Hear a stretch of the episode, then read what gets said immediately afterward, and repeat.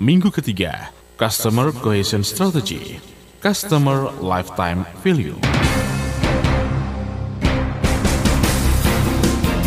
Segera kita ikuti Smart Marketing and Innovation.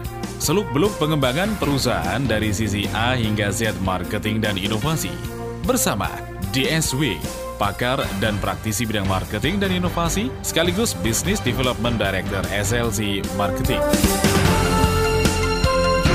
889 Smart FM Surabaya. Halo Smart Listeners. Senang sekali kembali saya Didi Cahya Menemani Anda di sore hari ini.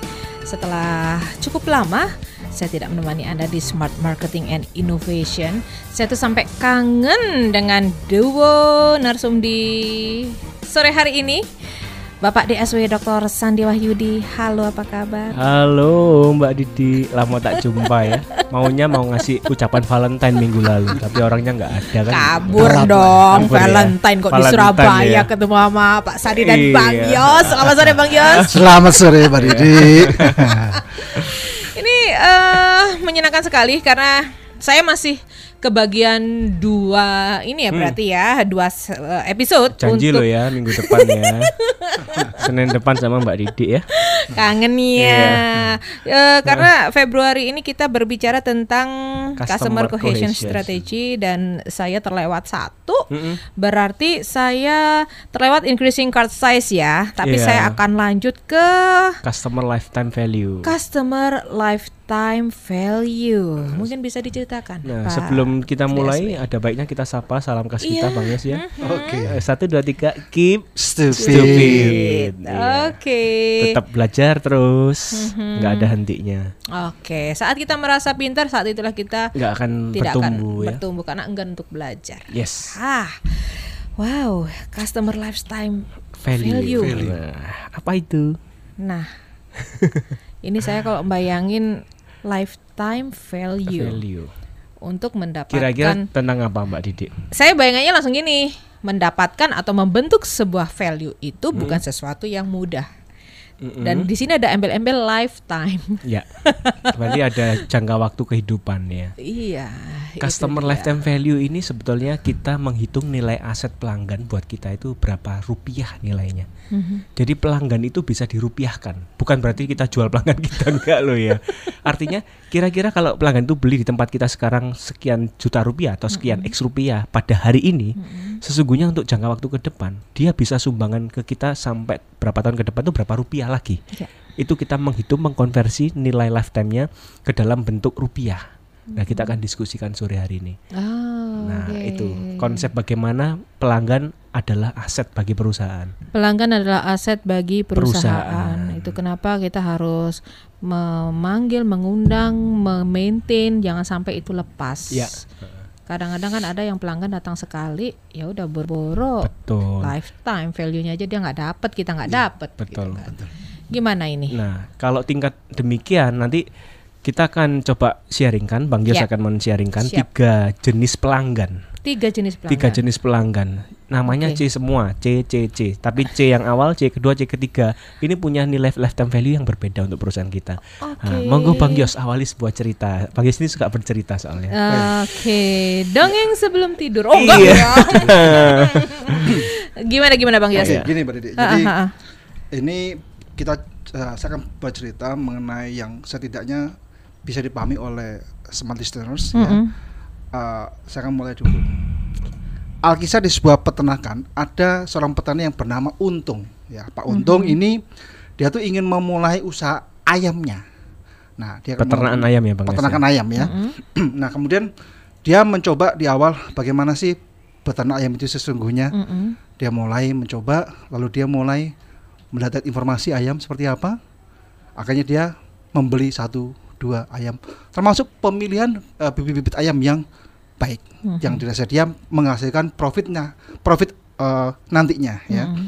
Nah kemudian eh, ternyata setelah satu tahun, dua tahun, dia mulai menghasilkan Hmm. pundi-pundi juga eh, sudah dia dapatkan. Nah, termasuk usahanya dia apa? Eh, dia sudah mencoba memasang ya woro-woro di pasar. Mhm. Informasi, oh saya jual ayam, saya eh, ayam saya itu jenisnya apa, ya. lalu dia juga apa mencoba berhubungan dengan semacam kayak kalau di desa itu apa tengkulak ya atau koperasi lah ya untuk datang ke tempatnya dia supaya membeli Pengepul. pengepul ya. Nah, kemudian tapi rupanya selang waktu bisnis ayamnya dia rupanya tidak baik. Yang semula dua tahun pertama bagus ya yang dia ternyata berangsur-angsur mulai menurun, Hmm. bahkan cenderung rugi. Mm-mm. Nah, dia mulai panik. Dia bertanya kepada temannya, Pak, aku ini punya usaha ayam kok rugi ya? Wah, Hmm. salah Pak, Pak Untung. Loh kok bisa? Sekarang itu zamannya bebek. Bapak coba aja peternak bebek. Itu lebih bagus Pak, lebih menghasilkan. Wah, bagus ini. Nah, dia akhirnya mencoba untuk peternak bebek. Mulai lagi dia menggali lagi. Jadi ternak ayamnya mulai ditinggalin Dia ya, tinggalkan, Bang? bahkan dia jual. Hmm. Oke. Waduh, ayam dia jual. Ternyata tidak lama kemudian bisnis ayam tuh mulai menaik, bertumbuh lagi. bertumbuh lagi. Wah, dia saking stresnya dia pusing kan. Wah ini gimana ini? Sudah ditinggalin Sudah ternyata ditinggalkan. bisnis Saya ayamnya mulai stres.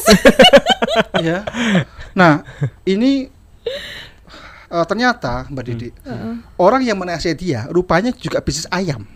oh, oke. Ya, I got the yes. point. Nah, Ya. ya. Nah, sama dengan bisnis kita. Biasanya kita cenderung apa?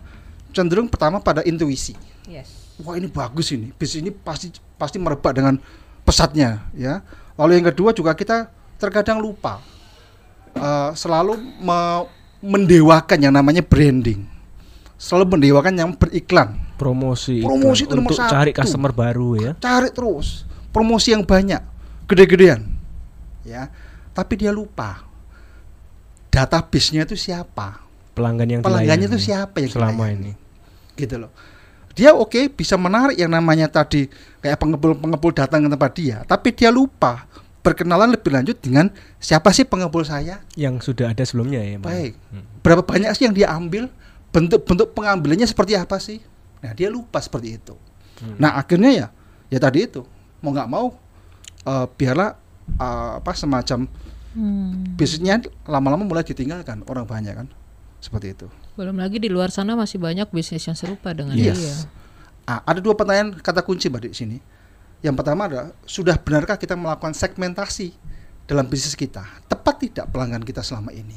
Jadi mensegmentasi pelanggan yang sudah ada di tempat kita. Oke. Ya. Bukan mensegmentasi pelanggan yang ingin kita tuju. Bukan menciptakan segmentasi tapi melihat siapa yang sudah datang. Betul. Dan itu database-nya kita record. Dan kita pilah-pilahkan. Iya. Nah, Serius nih, dapat ilmu baru saya Senin ini. Iya. yang kedua adalah ini, sudahkah kita melihat bahwa 20% pelanggan kita yang sudah kita punyai ini menghasilkan profit untuk perusahaan kita? Sudahkah kita melihatnya?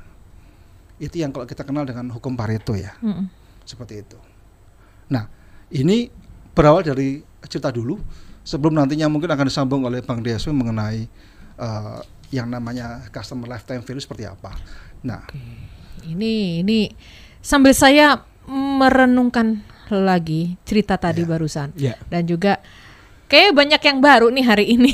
Saya jadi Selalu kan, kepingin- tiap kali Senin ada yang Iya, nah, baru. biasanya kan saya juga be sudah terus. baca, sudah Iya, apa iya, gitu. iya. Oh ya tinggal cross check aja nih teori sama ini kasus-kasus yang eh, ini benar-benar baru buat saya. Jadi saya Istimewa, Fani, hanya istimewa. ingin menyerap untuk hari ini gitu ya. Ini benar-benar uh, sesuatu yang bagi saya sih baru ya. Mungkin yang lainnya sudah tapi ingin bertanya-tanya, uh, Anda ingin berinteraksi silakan smart listeners Anda bisa langsung ke 0317321498 by phone atau melalui SMS di 0856 461 16889 atau melalui BBM di 5158 F514.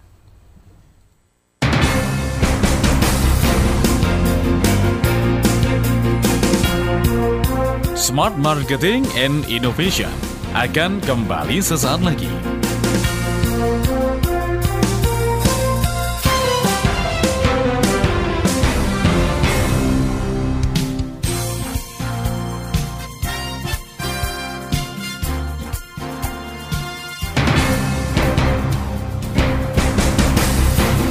Kembali kita ikuti Smart Marketing and Innovation. Seluk-beluk pengembangan perusahaan dari sisi A hingga Z marketing dan inovasi. Bersama DSW, pakar dan praktisi bidang marketing dan inovasi, sekaligus Business Development Director SLC Marketing. Sempat jeda sejenak, termasuk tadi waktu jeda saya gunakan untuk mencerna apa yang tadi sudah disampaikan oleh Bang Yos. Setelah ini uh, Pak DSW juga mungkin menambahkan ya dari yang dikisahkan itu karena hmm. begini uh, saya juga ingatkan kepada smart listeners yang mungkin uh, juga masih agak ini ya selama ini anda mengutamakan branding promo seperti halnya saya gitu kan. Selama ini sebagai pelaku bisnis itu yang harus dilakukan dalam bisnis. Ternyata tadi dipatahkan juga oleh bang Yos. Ada yang lain yang harus diperhatikan. Saya langsung tercengang. Ah apa itu? Kalau anda ingin tanya anda juga masih apa benar seperti itu? Anda langsung telepon aja ke 031 732 1498 atau melalui SMS di 0856 461 1168889 atau melalui BBM di 5158F514. Nah, tadi yang benar-benar memporak-porandakan alur pikir saya selama ini.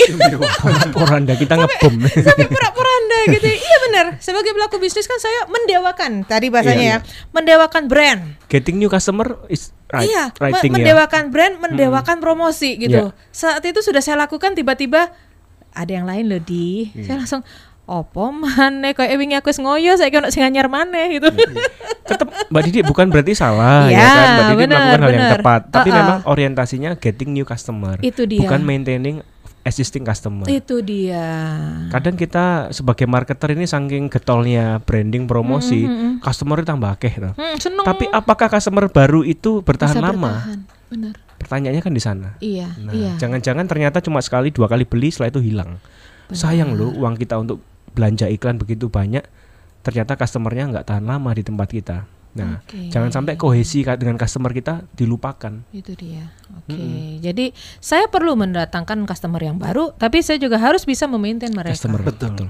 karena lebih yeah. mahal loh kalau dapetin customer baru yeah. okay. memang lebih ribet kalau mempertahankan customer lama tapi lebih mahal secara ongkos nilai rupiah kalau mempertahan uh, mencari customer baru kita lebih pilih mana nyari customer baru Iya, kalau kita punya duit banyak, monggo kan gitu. Iya, iya, iya, iya. Tapi kalau kita budget marketing kita terbatas, jangan sampai kita me, apa ya mengkorbankan uang begitu banyak, terus setelah itu urusan dapur, urusan dalam nggak diurusin yang mm -hmm. sudah menjadi existing customer kita. Saya menangkap begini ya, customer lama itu sebenarnya aset promosi kita juga loh. Iya, betul. Viral betul. communication mereka, betul. word of mouth-nya itu luar biasa. Jadi ya itu yang mungkin luput ya. Betul. Nah, ini luput. ada tingkatannya lagi nanti hmm. Oke, lanjut. Gitu. Saya jadi penasaran nih. Nah, hmm. Jadi setelah kita mendengar cerita, uh-uh. itu sebenarnya kalau kita mau melihat apakah uh, sudah sesuai belum ya yang yang saya lakukan, contohnya branding awal ataukah uh, model apa pun, ini uh-uh. kita lihat dulu filosofinya. Tiga step evolution customer. Okay. Yang bermula dari awal adalah consumers atau konsumen lah dalam bahasa bahasa bahasa lainnya ya. Mm -hmm. Itu kalau kita ngomong kenal dengan nama fasi segmentation. Fasi itu artinya acak. Oke. Okay. Nah, F U Z Z I ya F U Z Z I. Z Z Y ya. Z Z Y. Nah, itu acak. Jadi kita nggak tahu menembak siapa. Oh, pokoknya kita selalu branding untuk tahap awal itu tadi, okay. memperkenalkan produk kita betul di mm awal. Mm Lalu yang kedua adalah customer. Nah, ini yang modenya segmentation. Segmentasi tadi itu. Nah, nah yang ketiga, klien ini yang ditunggu-tunggu. Bagaimana hmm. dari customer ini yang ada segmentasi ini menjadi sebuah klien. Nah, klien ini sifatnya sangat sangat sempit yang kalau kita mengistilahkan ada fragmentation, sangat-sangat kecil. Nah, ini ada urutannya untuk dalam hal kita ngomong strateginya mau, kalau mau promosi seperti apa. Hmm. Ya. Hmm. Jadi mungkin dari sekian ratus customer yang kita bilang biasanya pelanggan mm-hmm. itu kalau dipetakan lagi Mbak Didi kita bisa memetakan menjadi tiga bagian mm-hmm. mana yang konsumen biasa yeah. mana yang customer mana yang klien dari sekian ratus orang yang sudah kita punya database mereka mm-hmm. kalau ternyata mereka hanya sebatas konsumen maka treatment kita ke mereka itu seperti apa seharusnya mm. kalau dari sekian ratus orang kita klasifikasikan mereka menjadi customer treatmentnya harus beda dong seperti kita tahu ada bank uh, swasta yang punya mm -hmm. khusus prioritas mm -hmm. kan gitu kan yeah, yeah, yeah. atau misal naik airline tertentu yang ada kelas bisnis bisnis kelasnya priority mm -hmm. nah sedemikian kalau kita bisa menerapkan itu dalam perusahaan kita maka customer customer yang sesungguhnya klien yang di atas customer tadi ya itu bisa bertahan jangka lama untuk kita. Memang jumlah mereka nggak banyak.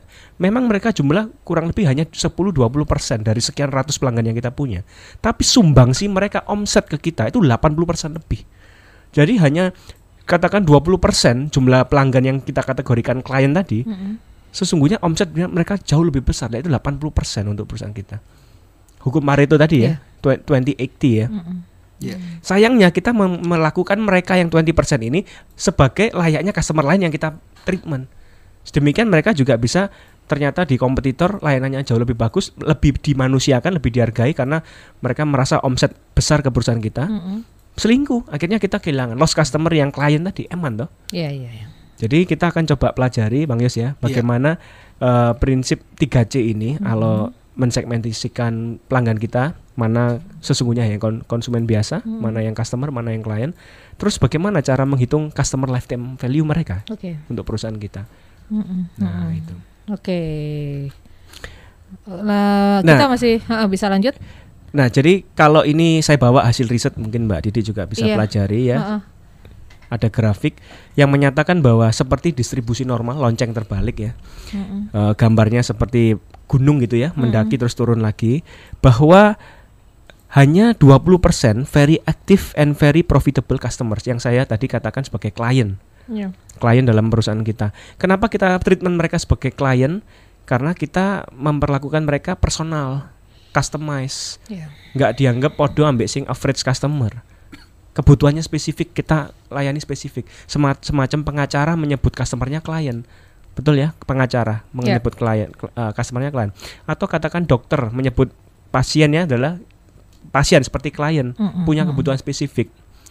Kenapa kalau kita makan minum snack atau kita sebut konsumen, kons- Mm-mm. ya kan layanan konsumen bukan layanan pelanggan kan gitu ya karena sifatnya produknya mass mass production kita dianggap sama semua dengan orang lain Hmm. nggak ada treatment khusus oleh karenanya kalau kita bisa nge-treat customer yang very profitable ini 20% di ujung kanan yang memang sedikit layaknya seorang klien maka kita akan jauh lebih maksimal Pe- peran mereka sebagai word of mouth ya Mm-mm. agen-agen word of mouth kita Dan mereka loyal loh. dan mereka Loyal, loyal loyal. Iya, Tapi sekali aja, dikit aja kita hianati pindah. iya itu Betul. dia Betul.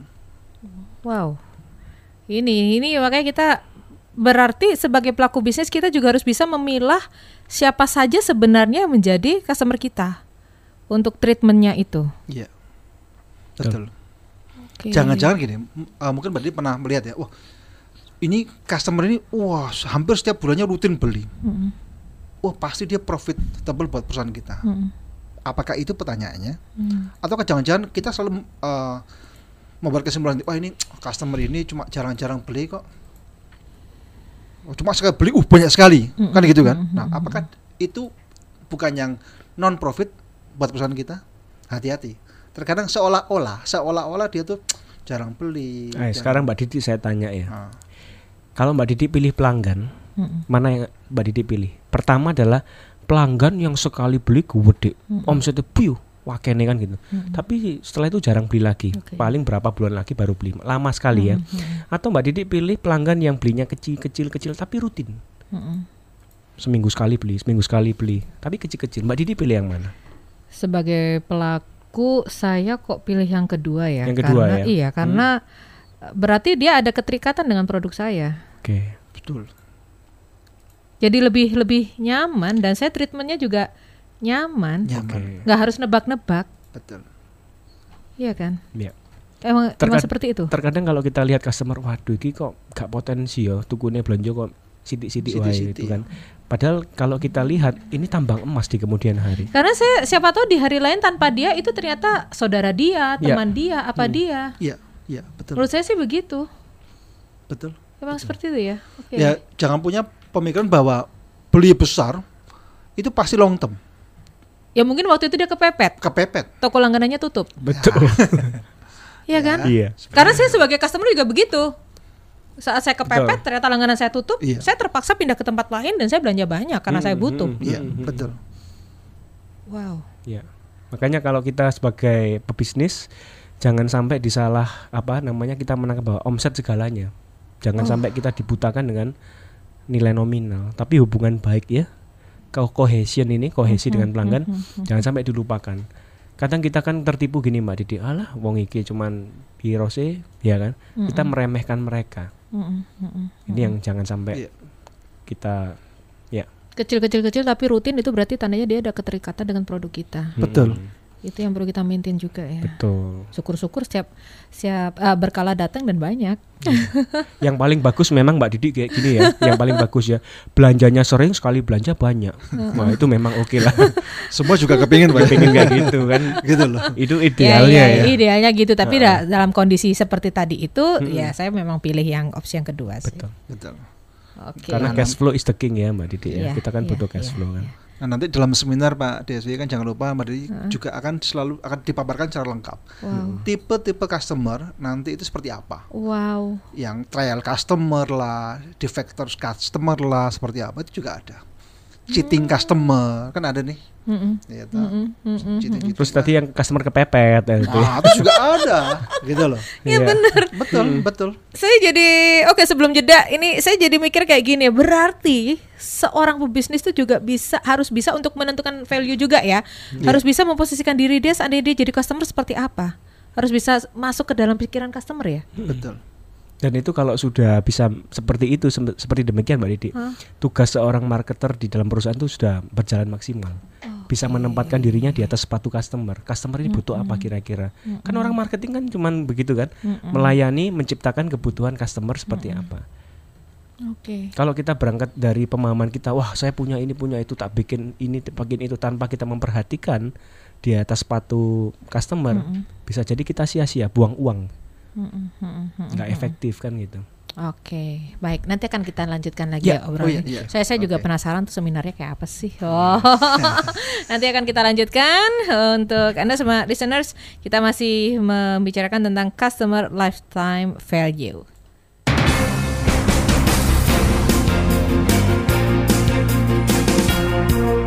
Smart Marketing and Innovation akan kembali sesaat lagi.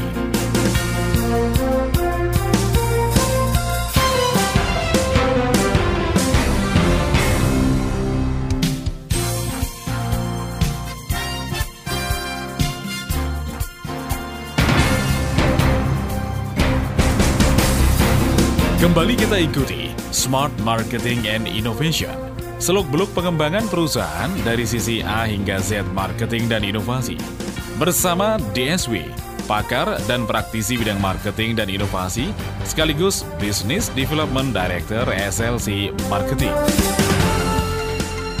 Sore hari ini seperti biasanya saya kalau siaran Smart Marketing and Innovation itu selalu ada ilmu baru gitu. Walaupun mungkin secara teori sudah pernah dengar gitu, tapi ternyata ada lebih baru lagi ternyata di lapangan gitu, termasuk customer lifetime value. Dan ternyata sebenarnya Pak DSP Bang Yos eh, banyak juga sebenarnya sudah menjalankan ini. Jadi saya ingat teman saya bercerita dia membeli satu produk otomotif. Seharusnya dia bisa beli produk yang jauh lebih mahal. Mm-mm. Dia mampu. Iya. Tapi dia tetap ke situ dengan produk yang mungkin untuk barang mobil mewah tuh second line lah, bukan yang firstnya lah. Iya. Kenapa kamu kayak gitu? Soalnya after sales service dan orang-orangnya enak. Hmm. Iya. Jadi saat dia beli mobil lagi, Yang dipertimbangkan adalah yang pertama after sales service-nya juga ya. terus ke situ lagi, Ya. Iya. cari sales yang sama lagi. Betul. Itu apakah termasuk dalam pembahasan kita? Ya, eh, jadi jangan lupa Mbak Dede, tiga urutan awal, consumers, customer, klien, itu jelas sebenarnya membuat perbedaan satu dengan yang lainnya. Hmm, hmm, hmm. Ya, orang kan kalau kita lihat ya, nggak pernah ada yang satu layanan yang eksklusif Untuk semua orang. untuk apalagi yang namanya prioritas di woro-woro, di digeber di di mass media. Wah, dapatkan layanan Anda eksklusif A sampai Z. Biasanya kan sifatnya personal tuh. Pak, Bapak sudah mengambil layanan kami, Bapak akan mendapat A, B, C, D, E tanpa di eh, apa? gebiar di mass Publikasikan, media mm-mm. seperti itu. Mungkin yang dipublikasikan hanya sifatnya yang basic value ya, basic, value. service-nya. Betul. Benar, benar, benar. Yang jangan lupa yang biasa di, dipublikasikan itu adalah kalau introductionnya dari produk atau service biasa seperti itu yang utama tapi kalau maintainnya mulai beralih ke Nah, sifatnya itulah strategi perusahaan. Nah. Perusahaan satu dengan yang lain, kadang kenapa yang satu tambah tumbuh pe- pesat, yang satu tambah loyo dan akhirnya bangkrut. Wah, yang dijual produknya sama, harganya tuh nggak jauh beda. Setelah sesungguhnya yang after sales service-nya, how to maintain existing customer, ini yang jadi strategi perusahaan yang dijaga bener sama perusahaan supaya kompetitor nggak tahu rahasianya apa, maintaining customer. Hmm. Ibaratnya perusahaan yang sama, pro- eh perusahaan yang berbeda dengan produk yang sama, jaringnya bareng, Mm, jaringnya bareng podo Jaring caranya. sama. Tapi Sama. maintainnya ini loh. Setelah itu, Itu Nah. yang rahasia dapur yang perusahaan. Yang sering kali memang tidak dipublikasikan di awal supaya apa nggak tahu kompetitor kita punya strategi apa. Perusahaan kita punya strategi apa maintaining customer jauh lebih menantang soalnya. ah saya jadi inget juga nih ya. Oh ini jadi studi kasus nih banyak banget. Hmm. Kan banyak kalau kita bicara resto atau apa promo bla bla bla bla bla. bla. Iya. Ternyata ada satu perusahaan resto yang dia tidak mempublikasikan layanan khusus di ulang tahun resto itu, tapi antriannya itu parkirannya sudah penuh sejak resto itu belum dibuka. betul Berarti yang tahu Orang-orang prioritas itu iya tadi. yang diundang dan mungkin diberi informasi eh, segmen tertentu ya. Nah kalau semua tahu gak cukup lah restonya kan. Oke. Makanya kita coba segmentasikan Mbak Didi mana yang layak di treat Baik. khusus, mana yang ya cuma tahulah di- nggak usah terlalu di touching personalnya. Oke. ya. Nah, oleh karenanya kita ada 3C tadi ya, mana konsumen, mana customer, Customer, mana klien. Klien. Oke. Iya, baik. Jadi saya untuk step ini jaring customer semua melakukan hal yang sama, jaringnya sama-sama. Mm-mm. Tapi untuk meningkatkan menjadi customer itu sudah mempunyai strategi masing-masing, nguncinya saat mereka jadi klien. Nah, betul cara Oke. meningkatkan mereka dari konsumen Nah. menjadi customer itu gimana? Bagaimana? Cara meningkatkan dari customer menuju ke atas lagi menjadi klien bagaimana? Itu dia. Nah, itu yang kita diskusikan. Seperti apakah gerangan? Itu Nah, yang sekarang yang pertanyaannya adalah simpel mbak Didi ini kan kita bermula dari pertanyaannya. Kamu uh, menurut mbak Didi sendiri ya ini kan konsumen kan belum terbagi-bagi ya. Iya. kalau mbak Didi sendiri misalkan punya usaha ngomong aja ayam goreng Mm-mm. ya. Mm. gimana supaya ada kelihatan pelanggan tetapnya dalam tanda petik customer tadi itu? Gimana cara mem- memfilternya? Kalau konsumer, ah, consumer atau konsumen itu yang sekali beli one shot, setelah itu nggak lama nggak kelihatan ya sudah. Aduh sedih Cuma saya. sekali coba beli Iya. aja. Itu berarti orang nyoba doang, trial Iya, doang. Trial doang. betul Kalau- Tapi kalau customer itu kan sudah repeat order, Iya. sudah beli berkali-kali ya, Betul. Iya. karena disebut customer, Mm-mm. ya kan. nah Nah, cara memilah selain daripada tadi Pak eh, Bang Yos mengatakan iki sering tuku, iki cuma tuku pisan. Nah, itu kan alat ukur yang paling mudah. Mm-mm. Apalagi memilahkan mereka. memilahkan Alat ukur yang lain. Kalau saya sih selama ini baru sebatas berapa kali mereka eh, apakah Beli ya? mereka akan datang lagi atau tidak? Frekuensi ya. Frekuensi. Heeh. Oke. Ya. Saya sih sebatas itu sih. Ada lagi Bang Yos? Ada. Nah, ada. Jadi Oke. gini, selain daripada nah ini Mau- penggunaan mass media ataupun brand activation yang lain ya, Mm-mm. itu sih boleh-boleh saja ya. Silahkan monggo yang mau menggunakan. Akan tapi lebih efektif ada lagi yang namanya personal touch dari salesman-nya itu. Hmm. Kalau kita bilang ya mungkin orang bilang ada yang kan- katakanlah personal selling ya. Nah, mereka juga u- menggunakan daya upaya itu untuk persuasif kepada customernya supaya mereka membeli kembali, membeli lagi terus menerus membina hubungan.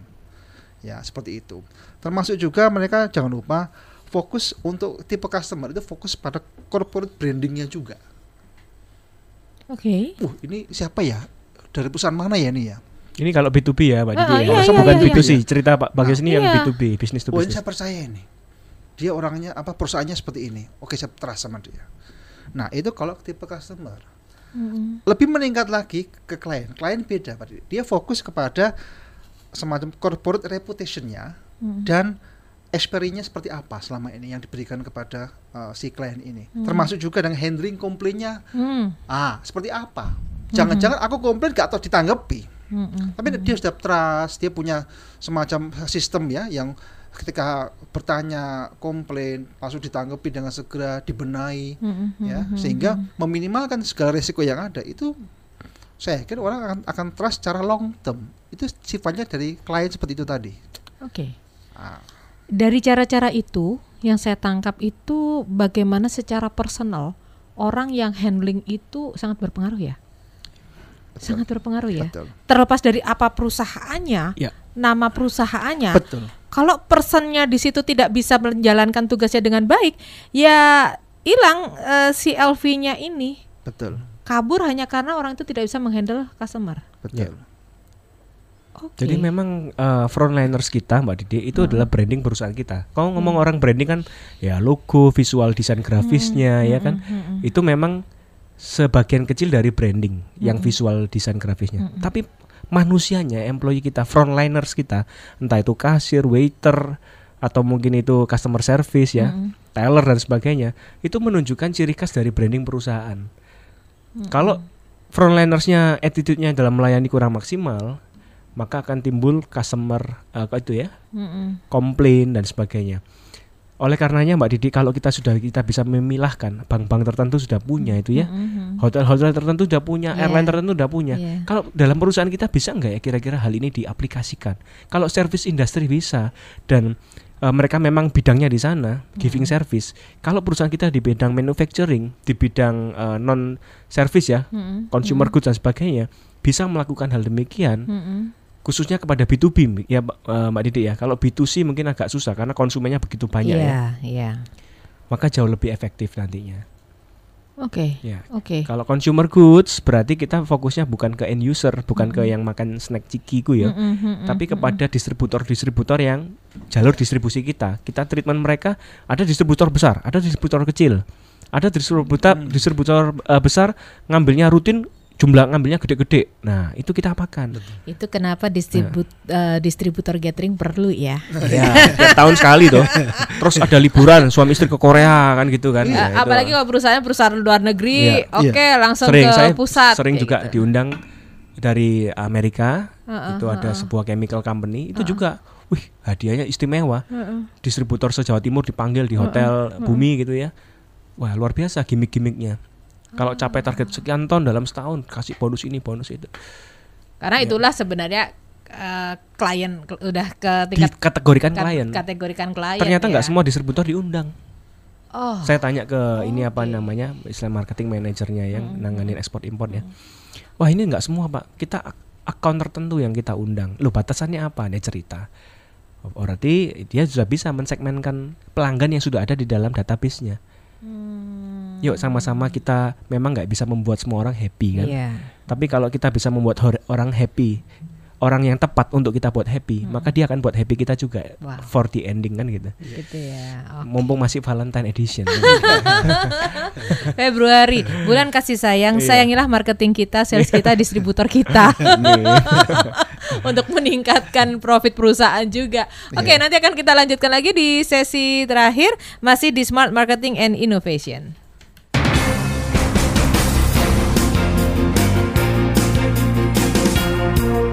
Smart Marketing and Innovation akan kembali sesaat lagi.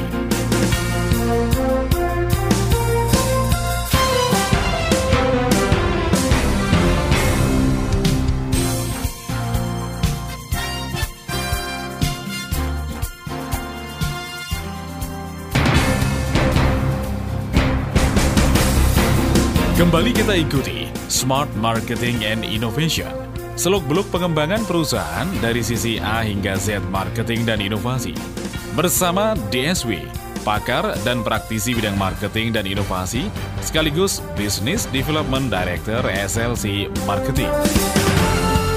Di sesi terakhir, Smart Marketing and Innovation masih saya buka kesempatan untuk Anda memanfaatkan dengan mengirimkan SMS ke 0856 461168889 atau melalui BBM di 5158F514 atau langsung ngobrol di 031 732 1498 ada Bapak DSW, Dr. Sandi Wahyudi dan juga Bang Yos yang dari tadi kita membahas tentang eh, CLV, Customer Lifetime Value.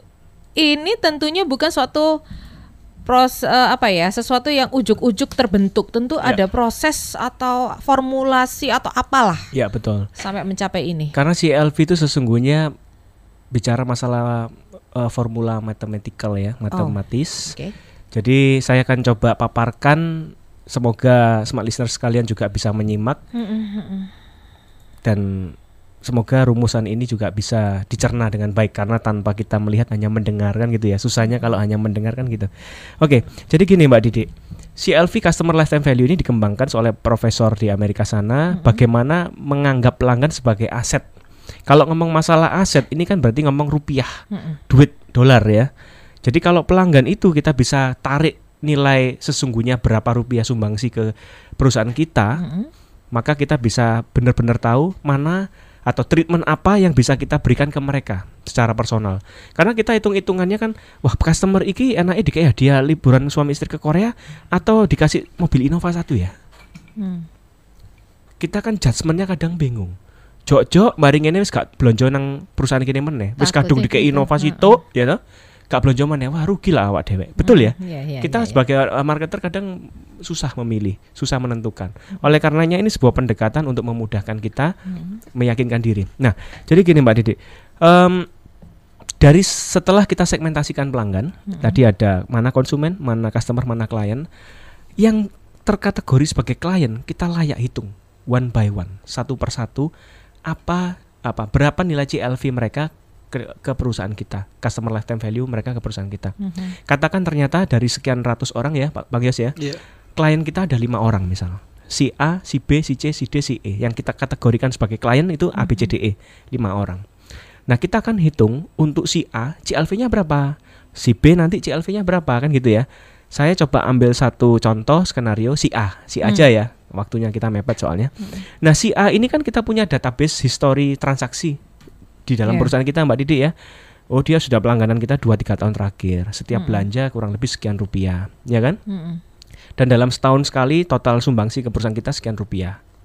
Nah, kita rata-rata Mbak Didi selama tiga tahun terakhir ini dalam sekali pengambilan atau dalam setiap tahunnya ya si A itu total sumbangsinya berapa? Katakan tiga tahun terakhir kita rata-rata tiap tahun dia belanja 100 juta misal Mm-mm. tiap tahunnya ini 100 juta. Nah, kita akan coba lakukan proyeksi ke depan, forecasting. Ya, bahwasannya bahwa 100 juta rata-rata tahun ini tahun depan pastinya akan meningkat dong. Betul ya Mbak Didi? Ya. Karena perusahaannya dia bertumbuh. Misal ini B2B, business to Mm, business. mm, mm, mm. Pastilah dia langganannya tambah banyak, belanja ke kita juga semakin banyak orderan ke kita. 100 juta tahun ini kita proyeksikan katakan tahun depan 150. Let's say seperti itu ya. Dua tahun lagi 200. Tiga tahun lagi 250. Mm, Nah, kita lakukan forecasting revenue dari si A ini. mm. Demikian pula ada yang namanya support cost. Biaya istilahnya maintenance kita. Oke. Yakni tahun ini ke parcel kan gitu. Mm-mm. Berapa rupiahnya, berapa persen daripada revenue yang disumbang ke perusahaan kita. Oke. Nah, kita coba asumsikan 5% atau berapa persen terserah Mm-mm, kita ya. mm-mm, Tahun ini kita berikan maksimal katakan 5 juta mm-mm. untuk maintenance si customer ini. Tahun depan pasti juga meningkat dong. Nggak 5 Iya, juta lagi iya, katakan iya. 10 juta, 15 juta dan seterusnya Mm-mm. ya. Maka tiap tahun kita punya gambaran yakni ada revenue masuk ke perusahaan kita dan ada spending, Mm. pengeluaran. Ya. Betul Mbak Didi bisa gambaran uh, bisa ada gambaran ya. Mm-mm. Maka akan ada revenue dikurangi support cost atau spending cost untuk maintenance tadi. Tiap Oke. tahun akan ada ya. Ya, ya, ya, Nah, ya, ya. Masalahnya kita kan harus tahu ngambil keputusan kan tahun ini mau dikasih hadiah apa toh? Mm-mm. Betul ya? Iya. Jangan sampai setelah dikasih hadiah Innova tahun depan nggak belanja lagi. Betul. Nah kita coba tarik satu tahun ke depan, dua tahun ke depan, tiga tahun ke depan ditarik ke dalam masa sekarang. Oke. Ada time value of money namanya. Oke. Time value of money kita rumusnya adalah satu dibagi satu tambah r pangkat n itu discount rate-nya. Discount rate adalah inflasi lah, suku bunga bank gitu ya. Mhm. Jadi kita tarik mundur. Kalau misal kita katakan eh, discount rate-nya 10%, maka rumusnya adalah satu dibagi satu plus 0,1 discount rate-nya di pangkat satu. Kalau kita majukan tahun depan ke tahun ini di pangkatnya satu. Mm-mm. Kalau dua tahun lagi kita majukan mundur pangkat dua. Mm. Nah, satu dibagi 1,1 pangkat satu. Kalau itu tahun depan ke tahun sekarang. Dua tahun lagi satu dibagi 1,1 pangkat dua. Nah kita hitung untuk katakan kita mau maintenance customer ini lima tahun ke depan. Kita sudah dapatkan ya time value of money-nya untuk tahun ini, baru kita tahu nih, ini layak dipertahankan nggak sih orang ini, customer si A ini. Hmm. Kalau kita kasih Innova tahun ini cocok nggak sih untuk lima tahun ke depan? Oke. Dengan segala faktor resiko, jadi nggak jadi ambil, kita sudah punya rumus matematisnya, mathematical modelnya seperti itu. Nah, untuk lebih jelasnya Anda harus datang seminar di Java Paragon. Oke. Kalau di sini Iya. mungkin nggak mudeng loh ya. Tapi benar smart listeners ini ini menarik Rumus ya karena karena mungkin ada di antara anda, eh, anda pebisnis yang saya saya mengatakan begini dalam bisnis saya me- merasakan bahwa saya tidak bisa berjalan sendiri.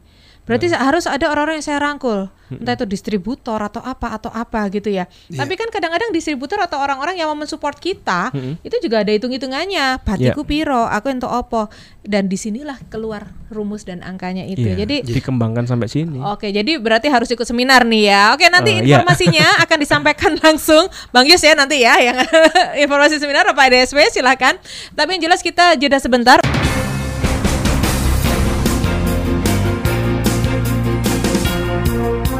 Smart Marketing and Innovation akan kembali sesaat lagi.